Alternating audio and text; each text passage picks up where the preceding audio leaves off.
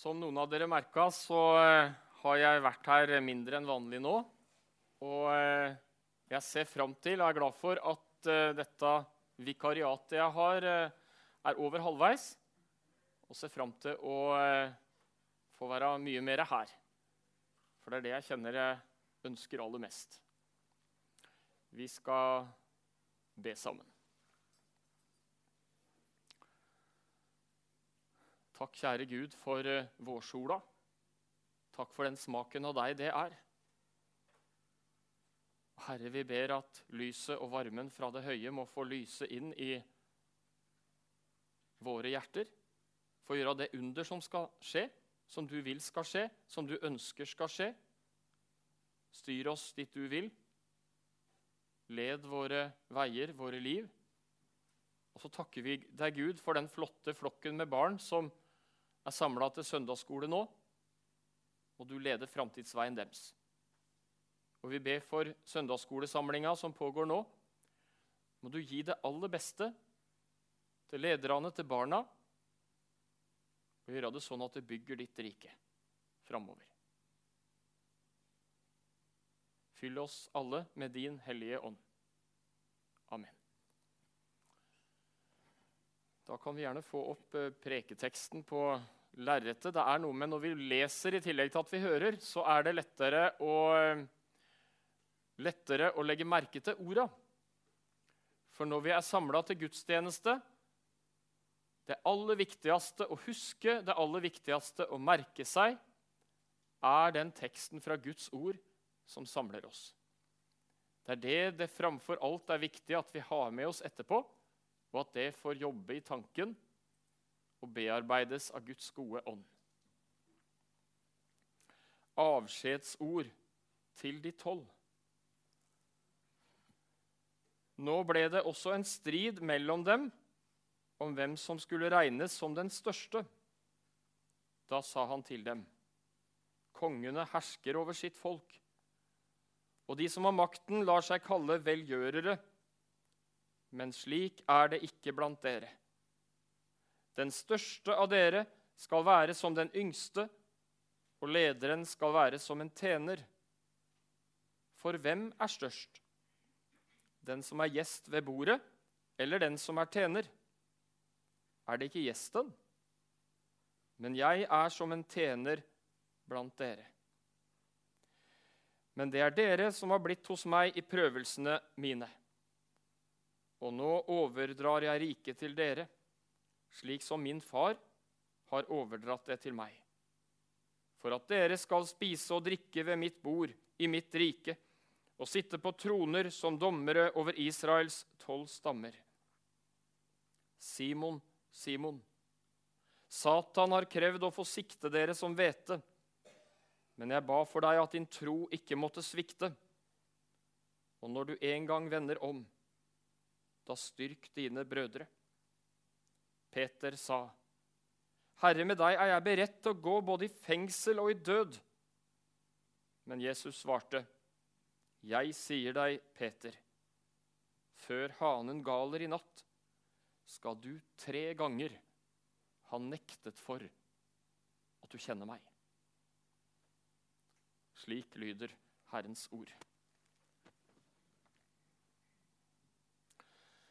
I den eh, nyeste bibeloversettelsen her i Norge, som vi bruker i kirken her til vanlig, så er det satt eh, overskrift over dette bibelavsnittet.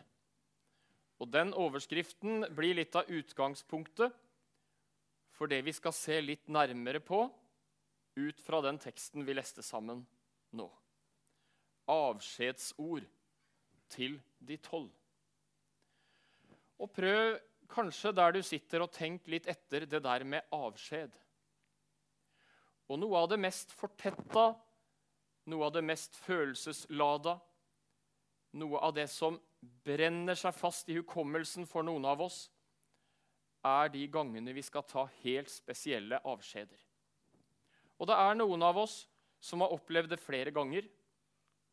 At det er noen vi er glad i, det er noen vi er knytta til, det er noen vi har sterke bånd til.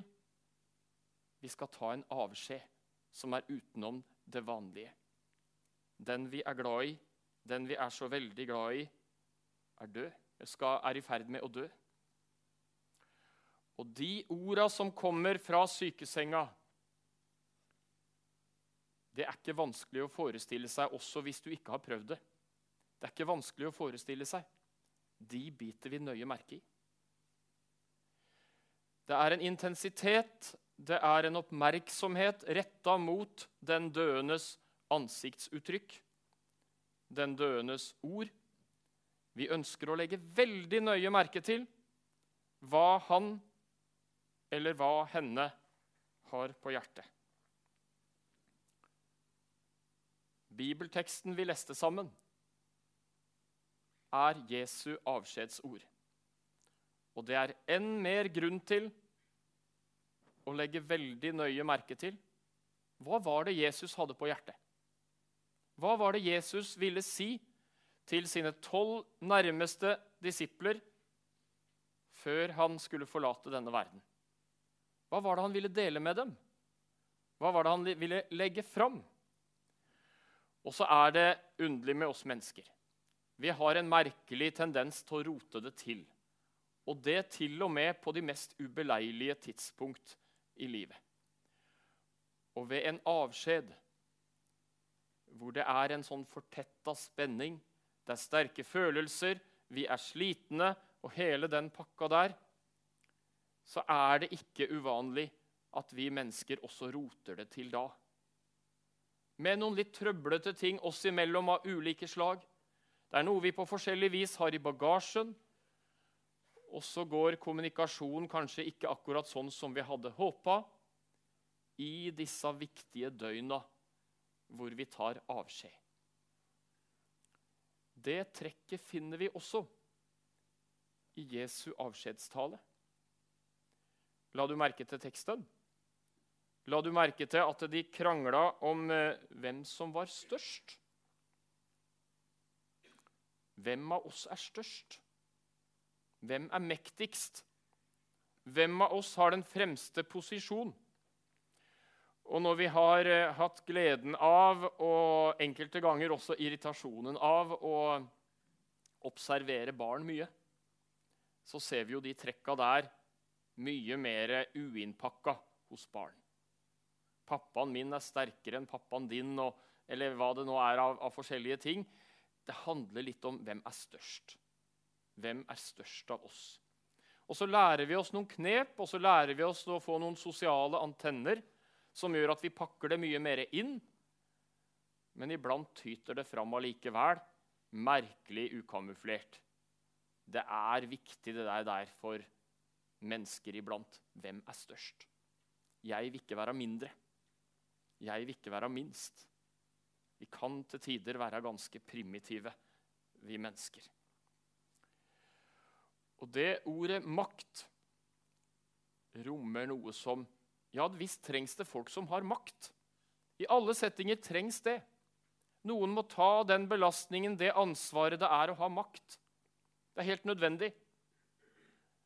Men makt er også et ord, eller et fenomen, som kan lokke fram noe av det destruktive og skadelige og ødeleggende i oss mennesker. Du kjenner begrepet maktkamp. Du kjenner begrepet maktsyke. Og eh, det forteller litt om at rundt fenomenet makt, i alle typer settinger, så har det lett for å tyte fram skumle krefter som ingen av oss egentlig ønsker. Og som en karikatur av det så kan vi vel ikke unngå å legge merke til eh, hvordan den amerikanske valgkampen utspenner seg. Kampen om å bli øverste, kampen om å bli den mektigste i verdens supermakt og hva skjer i den kampen om makt? Hva skjer i den kampen om å være den største? Jo, det er om å gjøre å trykke den andre ned. For hvis jeg trykker den andre ned, den som er rivalen til det presidentembetet jeg drømmer om Hvis jeg trykker den andre ned, da kommer jeg kanskje litt lettere opp sjøl. Og så avslører media ganske masse skitne triks, skittkasting, på de som er rivaler til egne presidentdrømmer. Og i møte dere med disse fenomenene, med disse mekanismene, som dessverre er ganske allmennmenneskelig, så sier Jesus i teksten vår i dag Jeg vil vise dere en annen vei. Sånn er det ikke blant dere. Et annerledes rike. Hvor det med makt, hvor det med å klatre til topps, hvor det med å ha spisse albuer for å komme seg sjøl fram og fremme meg og mitt og mine. Og hvor Jesus viser oss en vei som er så befriende annerledes enn maktens og klatringens og herskesykens vei. Jeg skal sitere på nytt igjen Jesus vers 25. Kongene hersker over sitt folk, men sånn er det ikke blant dere. Den største av dere skal være som en tjener. Og dette var ikke bare noe Jesus sa. Men når vi leser de fire evangeliene, så ser vi hvor gjennomført det var. En gang ved et viktig måltid i dette varme landet hvor føtter blei sandete innimellom tær, det var svette, det var varmt, det er rundt middelhavsområdene. Føtter skulle vaskes, og det var tradisjon. Det er de laveste på rangstigen som gjør sånt. De som hadde slaver, da var det selvfølgelig slavenes plikt å vaske føttene til herskapet. Og så gjør Jesus en symbolhandling som er brent inn i verdenshistorien. Han bøyer seg ned og vasker føttene til alle sammen. Dette er et eksempel. Sånn skal dere gjøre mot hverandre. Bøye dere nederst, ikke som et skuespill, ikke som noe så kvarmt som påtatt ydmykhet, for ingenting er vel verre enn det, men som det tjenersinnet som i møte med Kristus har fått en identitet i forsoningens grunn som gjør at det er langt mindre behov for å hakke på andre. Det er langt mindre behov for maktsyke. Det er langt mindre behov for å albue seg fram, for jeg må ikke være minst. Det er noe befriende. Det er et evangelium i den annerledes måte å tenke og den annerledes måte å leve som Jesus viser oss i dagens tekst. Vi skal få slippe å bruke krefter på å late som vi er bedre enn vi er. Og vi skal slippe å bruke krefter på å framvise styrke. Og få se noe av velsignelsen og hvordan kjærligheten ofte åpner seg aller mest der vi tør å la andre se vår svakhet og det skjelvende lille jeget, den skjelvende lille jenta, den skjelvende lille gutten som er i oss alle. Det ligger muligheter i det.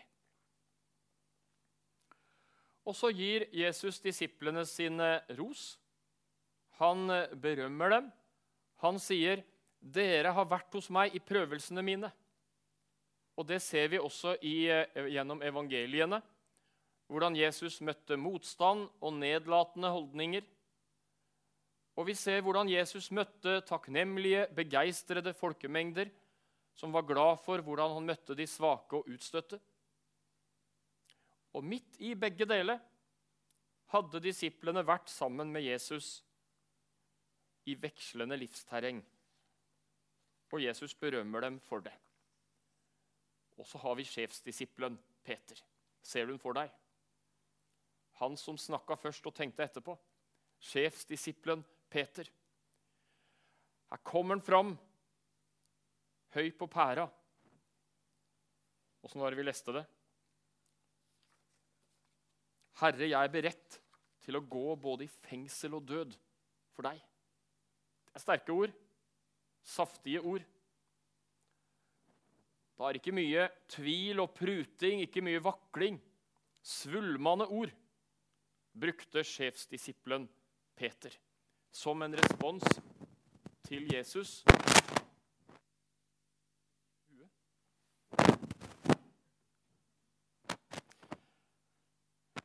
Så var det ikke dekning for de sterke ordene. Det visste Jesus. Det visste Jesus.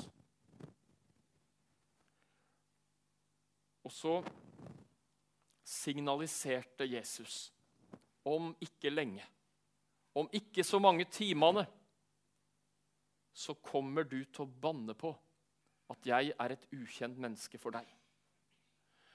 Da kommer du til å vippes av pinnen av noen litt nærgående spørsmål fra ei tjenestejente. Så stor avstand er det mellom de svulmende, oppblåste orda og den virkelige deg, Peter. Han sa det ikke så direkte, men eh, Jesus sa, 'Jeg sier deg, Peter, før hanen galer i natt, skal du tre ganger ha nektet at du kjenner meg.' Kan du ta fram et bilde der, Ole? Det neste etter preketeksten. Jeg har vært i Israel bare én gang og vært i Jerusalem eh, fem dager i forbindelse med det besøket. Og Da var vi i en kirke som heter Hanegalkirken. Og Utafor den kirken så står det Ser dere det greit, selv om det er veldig lyst ute? Der står det en stor er vel bronsestatue som eh, skal forestille Peter og tjenestejenta og så er det vel en romersk eh, soldat vi ser i bakgrunnen der. Og vi ser hvordan han slår ut med handa. Jeg kjenner ikke det mennesket. Jeg kjenner ikke det mennesket. Og For meg blei det sterkt å se den statuen, som forteller sitt tydelige språk også til øynene, om hvordan søylen Peter, sjefsdisippelen Peter, sto der og banna Jesus er totalt ukjent for meg. Jeg har ikke hatt noe med han å gjøre. Et fall. Et syndefall. Han tråkka fullstendig gærent. Og det var gigantisk avstand mellom de høy på pæra-orda, det svulmende 'Jeg skal gjøre hva som helst. Jeg kan gå gjennom tortur og død for din skyld, Jesus.' Og litt etterpå så står han der og slår ut med hendene. 'Jeg kjenner ikke det mennesket.' Peter. Og så ville noen si, 'Så stor er Guds kjærlighet.' Så stor er Guds kjærlighet at samme hvor mye vi roter det til, så er Guds kjærlighet et dekke over det hele uansett. Det sier ikke Bibelen. Det sier ikke Bibelen. Men den kaller oss til omvendelse.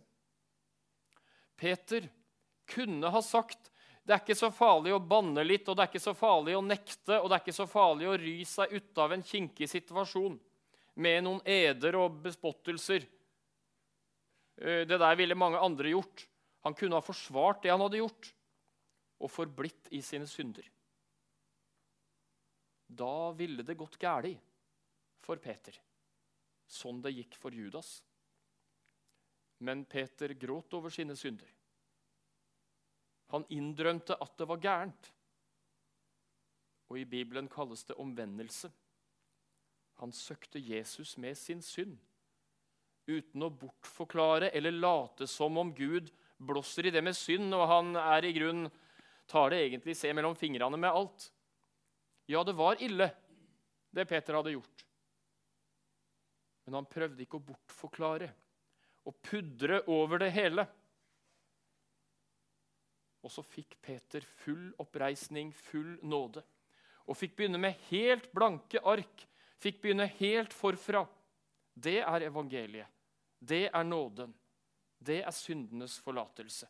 Og Derfor sier også Jesus, i hans navn, i mitt navn, skal det forkynnes omvendelse og syndenes forlatelse. Og de to tinga kan ikke skilles fra hverandre hvis vi skal tale bibelsk om Guds kjærlighet. Peter fikk gå herlig frigjort videre.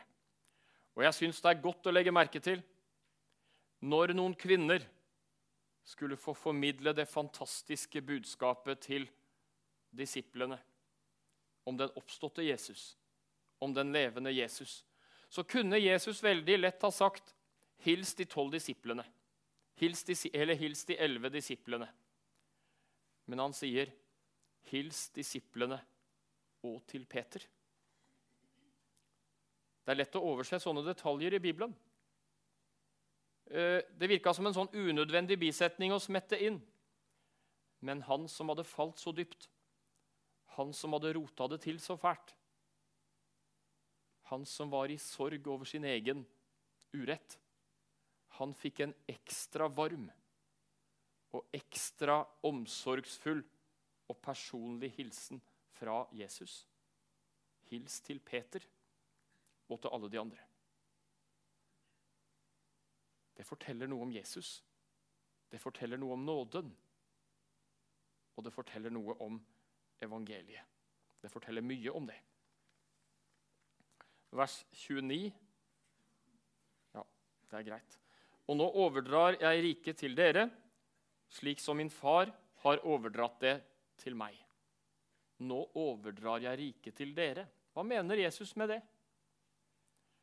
Jeg tror Jesus med disse orda sier det som Bibelen, som Det nye testamentet, sier mange ganger. Apostlene står i en særstilling. Det er mange som er og var disipler. Apostlene står i en særstilling. Det vil Jesus understreke også i det som er preketeksten til i dag. Nå overdrar jeg riket til dere. Efeserbrevet kapittel 20 nei, kapittel 2, vers 20. Der sier Bibelen det samme. Bygd opp på apostlenes og profetenes grunnvoll. Men hjørnesteinen er Kristus Jesus selv. Den kristne kirke er bygd på apostelgrunnvollen. Og så er det mange ting vi misforstår. Det er mange ting vi har trøbbel med å forstå, med å finne ut av. Og vi kan ha svært senkede skuldre i forhold til at våre gode åndelige søsken i mange ulike menigheter tenker annerledes om en del ting enn det jeg gjør, enn det kanskje vi gjør. Det behøver ikke være krise, og det behøver ikke nødvendigvis være veldig farlig. Men det er ett spørsmål som står i en særstilling. Og det er den ydmyke respekten for apostelautoriteten. Jeg overlater riket til dere. Og det å si 'Paulus mente, men jeg er uenig med Paulus' Sånn kan ikke den kristne kirke argumentere. Ut fra sånn Jesus har sagt om apostlenes særstilling i den kristne kirke. Apostelautoriteten gitt oss i Bibelen. Det bøyer vi oss for. Og vi leiter med bønn om at Den hellige ånd skal vise oss det i sin helhet og i sin sammenheng, sånn Den hellige ånd har ment det som står i den boka som samler kristne over hele verden. Apostelordets autoritet. Det er grunnleggende, og det er ikke for noen pris til salgs i den kristne kirke. Kjære Gud og Far. Takk for sannheten gitt oss i Bibelen. La den sannheten holdes høyt i respekt og ære blant oss. Og gjør det sånn at vi framfor alt oppdager sannheten om deg, Jesus, som vår frelser, og søker nåde og finner nåde hos deg, sånn Peter gjorde det. Amen.